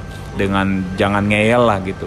Ya sudah sampai hampir dua tahun ini ya syukurnya mulai jalan lagi nih walaupun nggak seperti di awal sebelum covid yang kencang banget tapi perlahan-lahan lah kita percaya bahwa ini akan membaik gitu tapi kalau misalnya berbicara tentang habis lo materi eh, gimana ya? Uh, habis lah pokoknya tabungan lah ekonomi berantakan lah pokoknya mau siapa aja gitu. Dan itu wah buat kita yang yang yang pelaku seni atau pelaku pekerja seni ini kerasa banget dampaknya seperti apa gitu. Dan buat gue sendiri sempet down gitu ya ampun gitu.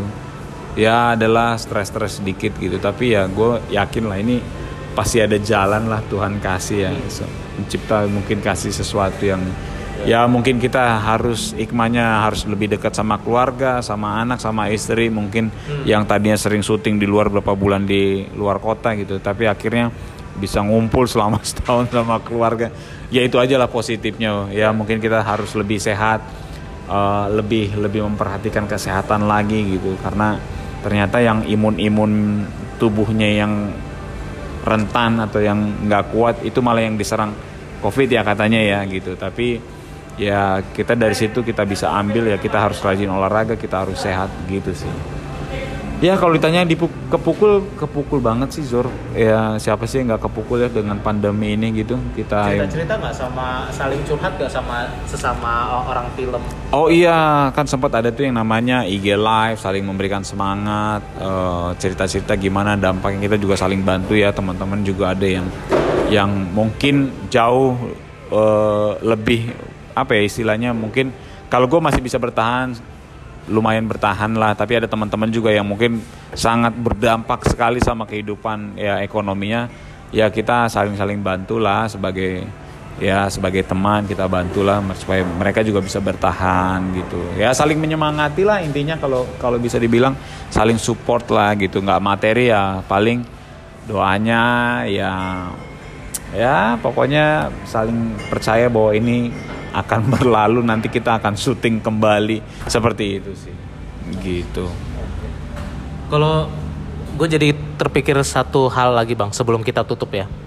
Uh, dengan keadaan seperti itu oke okay, uh, eh, ini kita bicara pandemi itu kan keadaan darurat ya. Siapa pun nggak ada yang punya formula yang tepat untuk mengatasi itulah. Baru-baru inilah kita baru dipelajarin dikaji dan segala macam. Uh, kalau dari bang Edo sendiri punya nggak sih sebenarnya dari masalah yang sedemikian rupa? Ini udah nggak bicara soal nggak cuman covid doang ya tapi bicara soal gimana sih bikin industri film di Indonesia itu bisa sustain lagi atau bisa lebih uh, orang-orangnya nggak cuman pemain film nggak cuman sutradara produser atau itu tapi juga sampai kameramen uh, soundman segala macam apalah gitu itu juga punya uh, kepastian ekonomi yang terjamin kalau kalau ada something happen lagi atau misalkan ya kayak yang abang bilang tadi kan ya ada yang nggak usah sampai harus 10 tahun lah atau minimal kameramen atau kru-kru itu kerja 2-3 film aja bisa hidup setahun lah minimal itu udah keren banget gitu. Nah kira-kira abang punya nggak sih uh, gagasan tertentu yang bisa membangkitkan industri film? Misalkan contoh apakah harus cari investor lagi di investor dari luar lagi uh, orang-orang film Indonesia atau atau mungkin ada yang harus dibenahi di ekosistemnya atau apa ada nggak abang punya gagasan mungkin selama ini pernah kepikiran tapi yang karena ya cuman di ide aja gitu tapi nggak ada salahnya kita share gitu iya. ya sebenarnya sih yang yang belum jelas itu adalah regulasi apa di kebijakan ya. uh, di di kitanya pemerintahan, uh, pemerintahan kita bahwa pelaku seni seperti pekerja film ini kan ya regulasinya tadi belum jelas seperti apa dan kekuatan hukumnya yang mendukung kita itu kan belum jelas. Kalau misalnya kalau di luar negeri gitu kan kita ketahui tuh ada asosiasi-asosiasi misalnya eh, si aktor nih kerjanya harus eh, misalnya 12 jam paling lama nih setelah itu ya jangan gitu nah kalau misalnya lebih dari 12 jam kena overtime gitu dan itu harus ada biaya lagi nah kita tuh belum ada seperti itu gitu. Itu di mana, Bang? kalau di kalau di Hollywood atau pekerja di di luar tuh ada gitu. Misalnya waktu gua di Jepang pun batas maksimal cuma 8 jam. Oh. 8 jam tuh udah nggak boleh syuting gitu. Kita pulang. Misalnya gua di calling waktu itu pukul Itu peraturan ada tertu perundang-undang iya. gitu. ya, ada undangnya ada undang-undangnya. Nah gua waktu itu di di kontrak itu kita kerja 8 jam. Hmm. Oh, pokoknya eh, 8 jam. Pokoknya kita mulai dari jam 8 sampai paling jam jam jam 3 jam 4 tuh sudah break. Dan gue ngerasain banget waktu di Jepang yang seperti di awal tadi gue cerita syuting di NHK itu gue syuting jam 8 pagi jam 7 setengah 7 tuh udah dijemput dari hotel dan menuju lokasi. Dan siang jam 1 jam 2 tuh udah semua udah harus ya kalau emang udah selesai adegannya selesai ya sudah. Tapi kru tuh paling paling tuh jam 3 jam 4 tuh udah udah break udah selesai gitu kayak memang jam kantoran gitu dan regulasi di sana kebijakan eh, kebijakan-kebijakan yang membantu para pekerja seni atau film tuh membantu sekali Termasuk kru-krunya ya? Iya, termasuk kru-krunya. Nah, kalau di sini kan Belum ada. Belum ada dan sempat ada yang memberikan wacana seperti itu, tapi ya sepertinya belum berjalan dengan baik ya. Maksudnya eh, sudah ada rencana ke sana, apalagi ada ada komunitas, ada asosiasi yang yang bergerak bagaimana para pekerja film, aktor, editor, semualah kru yang terlibat punya wadah payung untuk melindungi semua pekerja ini. Cuma mungkin ya belum berjalan dengan baik. Sudah ada yang berjalan tapi belum sempurna sekali gitu. Ya seperti itulah. Gua Hmm. ya Tapi itu walaupun itu terdengar sederhana bang ya, tapi itu isu yang jarang gue denger sih. Karena yang baru selama ini sering gue denger tuh paling baru undang-undang musik ya. Iya, Undang-undang musik di DPR. Tapi kayaknya undang-undang perfilman tuh kayaknya belum ya. eh hampir gak pernah kedengeran ya. Hampir gak pernah kedengeran gitu. Jadi menurut gue memang itu menarik sih. Itu kayaknya perlu di ya kayak dulu kan eh, undang-undang musik orang-orang kuatnya banyak dulu kan kayak almarhum Freddy, Glenn Fredly kan waktu itu sampai bisa diundang ke istana atau siapalah gitu kan eh, pelaku-pelaku seni lah gitu kan atau misalkan Tompi bahkan Tompi juga diajak. Cuman ya itu mungkin undang-undang perfilman ini kayaknya mesti ada yang menggerakkan lagi ya. Tapi itu kayaknya penting banget sih ya. Ternyata itu yang jadi bisa jadi bisa membangkitkan in- perekonomian dan ininya eh, kemajuan industri film Indonesia sebenarnya. Wow, menarik juga sih. Itu bener-bener walaupun kedengarannya bukan bukan bukan sesuatu yang baru di dunia ini tapi itu kayaknya isu yang belum belum muncul di Indonesia sejauh ini ya. Mungkin pernah tapi ya hilang lagi gitu. ada mungkin cuma beberapa ya maksudnya kayak kayak misalnya ada beberapa aktor yang memang menerapkan seperti itu misalnya untuk kalau gua di di mai- ma- di majornya gua maksudnya di mayornya gua ke aktoran gitu memang ada beberapa aktor yang memang memang bersama manajemennya menerapkan seperti itu pola kerjanya yang harus 8 jam sampai 12 jam setelah itu ya Tapi itu kan harus deal dengan produksi Iya, si produsernya betul. Kalau kalau untuk secara hukum badan hukumnya misalnya belum ada yang Iya. yang istilahnya si aktor ini memang harus bekerjanya kayak misalnya kalau di karyawan kan 8 jam, Iya. 9 jam setelah itu ya udah gitu. Senin sampai Jumat. Senin sampai Jumat. Nah, ini kalau di aktor belum. Di dunia industri film belum. Menarik, menarik. Oke. eh, satu lagi, eh dua lagi lah. Oke. Satu lagi, eh, yang pertama, ini abang di masa yang akan datang, let's say kalau dihitung dengan secara matematik, 10-20 tahun lagi, apa nih kira-kira ambisi abang nih ke depan?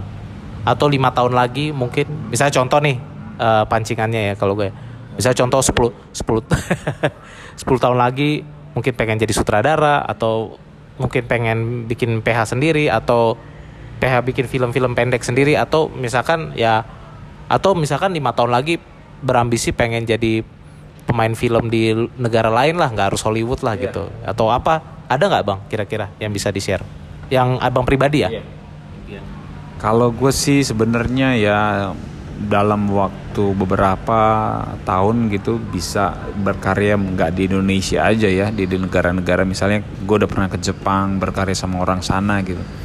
Gue sih pengen lebih melebarkan sayap lagi bahwa ya ya kemampuan gue acting ini bisa dilihat dan bisa dirasakan atau ditonton sama orang-orang yang nggak sebatas Indonesia atau Asia aja mungkin di Eropa atau mungkin di di luar-luar sana gitu yang mungkin punya iya ya punya rasa muka gue ini kan agak susah ya Jor untuk untuk laris di film-film pop karena kurang ganteng, kurang kayak Leming Ho kayak gitu gitulah ya. Jadi Iya, iya, iya, ya iya. kan muka-muka gue tuh muka-muka orang bilang tuh karakter gitu. Dan menurut gue untuk muka-muka gue kayak begini tuh lebih mungkin menurut gue bisa benar bisa salah tapi lebih orang orang di Eropa atau orang-orang di luar Eropa yang suka muka-muka gue yang berkarakter begini. Hmm.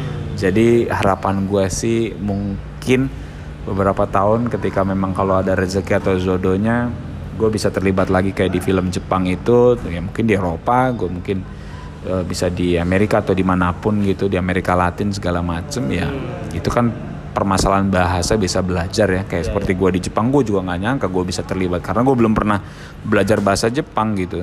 Tapi orang sana bisa dengan cepat dan bisa langsung lugas dengan you are very smart. Dan itu buat gue anjir kenapa bisa ngomong gitu? Dan itu buat gue satu keuntungan bukan satu keuntungan satu kebanggaan yang bisa gue pegang dan satu motivasi buat gue gue ternyata bisa belajar bahasa dengan cepat walaupun gue nggak bisa menguasainya untuk beberapa tahun belajar dulu gitu baru bisa belajar ngomong gitu. Ternyata ya mungkin karena mudahnya gue bisa belajar di awal apa ya karir gue sebelum dunia film apa ya, memperhatikan lebih banyak mendengar gitu. Dan itu mungkin salah satu kelebihan gue ya kalau directing mau siapa sih nggak mau menyutradarai film ya tapi buat gue menjadi seorang sutradara juga punya proses punya punya ca- apa ya punya kesulitannya sendiri-sendiri gitu ya untuk mendirect skill diri sendiri tapi tidak menutup kemungkinan kalau misalnya memang gue sudah yakin dan bisa ya kenapa enggak gitu kita bikin aja gitu ya mungkin awal-awalnya film pendek dulu gitu atau mungkin film panjang langsung juga nggak apa-apa gitu. itu aja sih. Berarti eh, yang gue tangkap adalah eh, ambisi se- sejauh ini paling pengen jadi pemain film yang lebih go internasional ya. Nggak harus Hollywood kayak Iko Uwais atau Yayan Ruhian, tapi at least bisa main di film di negara-negara lain lah. Sa- satu udah nih Jepang nih ya kan. Belum lagi nanti siapa tahu jadi pemain film Thailand ya kan. Klap klap nah, klap klap nah. gitu kan. Bisa. Itu kan lucu juga kan, menarik juga ya. Atau film apalah pemain film di Korea mungkin kan gitu. luas ya dunia ini luas, Dunia ya. karena film itu kan ya bukan bukan masalah bahasa aja tapi ya media ekspresi ya Iya. media ekspresi ya jadi memang apa pun sebenarnya film karena media ekspresi ya bisa aja gitu bahasa sih bisa dipelajarin gitu. Iya. menurut gue itu yang yang menjadi Betul, betul, betul. kekuatan gue bahwa gue yakin nih film adalah media ekspresi kalau bahasa segala macam bisa dipelajarin kok sama kayak pemain bola lah ya. Iya. Hmm. Eh, bahasa nomor dua yang penting, penting skill. saat eh, chemistry di lapangan Iya, dapat gitu ya. betul Hmm, Oke, berarti itu ya. em, Oke, nice, nice banget bang. Terus ini eh gue nggak tahu ya, tapi yang gue dapet sih perspektif dunia perfilman yang kayak abang ceritakan nih satu jam lebih nih. Tadi nih adalah perspektif dunia perfilman yang jarang banget gue dapet. Gue nggak tahu dengan orang-orang lain ya, atau mungkin orang-orang lain ngikutin YouTube yang bagus juga yang selevel. Tapi eh apa namanya? kira-kira ini gue pengen kira-kira Gen Z anak-anak muda sekarang atau remaja-remaja sekarang eh dapat nggak ya spot eh, dapat nggak ya eh, inf- referensi-referensi ilmu seperti yang abang ini kalaupun enggak kira-kira lewat Narazir podcast ini ada nggak yang pesan yang mau abang sampein ke mereka yang pengen jadi pemain film punya cita-cita jadi pemain film terutama Gen Z ya remaja anak muda lah gitu lah Oke. atau yang milenial-milenial yang masih muda lah yang di bawah gua 5 6 tahun gitu. Emang lu berapa umurnya? Bawa 5 6 tahun. 3 bulan. Ya sebenarnya sih satu ya bahwa proses itu tidak pernah mengkhianati hasil benar ya. Jadi buat teman-teman yang mau belajar film atau mau terjun ke dunia film jangan pernah meng- jangan pernah apa ya mengkhianati proses lah gitu bahwa proses Sabar itu aja ya. sabar aja terus terus terus belajar berlatih berlatih berlatih dan ya banyak baca buku sih sebenarnya banyak baca dan juga yang pasti lebih ya menyatu sama sama kehidupan gitu jangan Seperti yang abang pelajarin di teater populer. Iya, peka lah sama ke lingkungan gitu. Wow, oke. Itu sangat sangat membantu sekali buat teman-teman yang mau belajar film, belajar acting, peka sama lingkungan, sama kehidupan sekitar itu sangat membantu sekali. Gitu. Peka sama lingkungan sama. Iya. Jadi jadi buat lu semua Gen Z, anak muda, remaja, kalau lu pengen jadi pemain film sebelum lu berambisi jadi pengen kayak Reza Rardian, Dian Sastro, Nikola Saputra, belajari dulu peka dulu terhadap lingkungan ya, Pak ya. Mempelajari lingkungan ya. Belajar menghargai lingkungan dulu. Baru kita bicara yang lain ya. Oke, nice. Itu tuh yang mungkin belum tentu dapat dari kalian semua. Thank you banget Bang Edward Manalu Sama-sama. kita mudah-mudahan kita bisa bikin episode berikutnya ya dan sukses buat rencana ininya bikin film dan juga ini eh, konten kreator Oh, konten kreator. Ayo. lagi merintis kan Lagi merintis. Siap, Ah, siap. untuk biar biar gak kalah sama yang fanbase fanbase yang, Yang lain, stand up iya. comedy Iya, segala betul, macam betul, betul. ya kan ya Siap. kalau eh, apa disuruh bilang komersil lu jual gue beli gitu Betul. kan nah, ini Setuju. bang Edward mau mem- mem- membeli tantangan itu Yes. thank you again bang Sampai ketemu lagi Sama-sama, Zor. Oke, see you when I see you. Eh, sampai ketemu lagi di episode berikutnya, mungkin di tahun depan atau ya itulah. Ciao. Ciao. Terima kasih. Sampai jumpa lagi ya. Bye.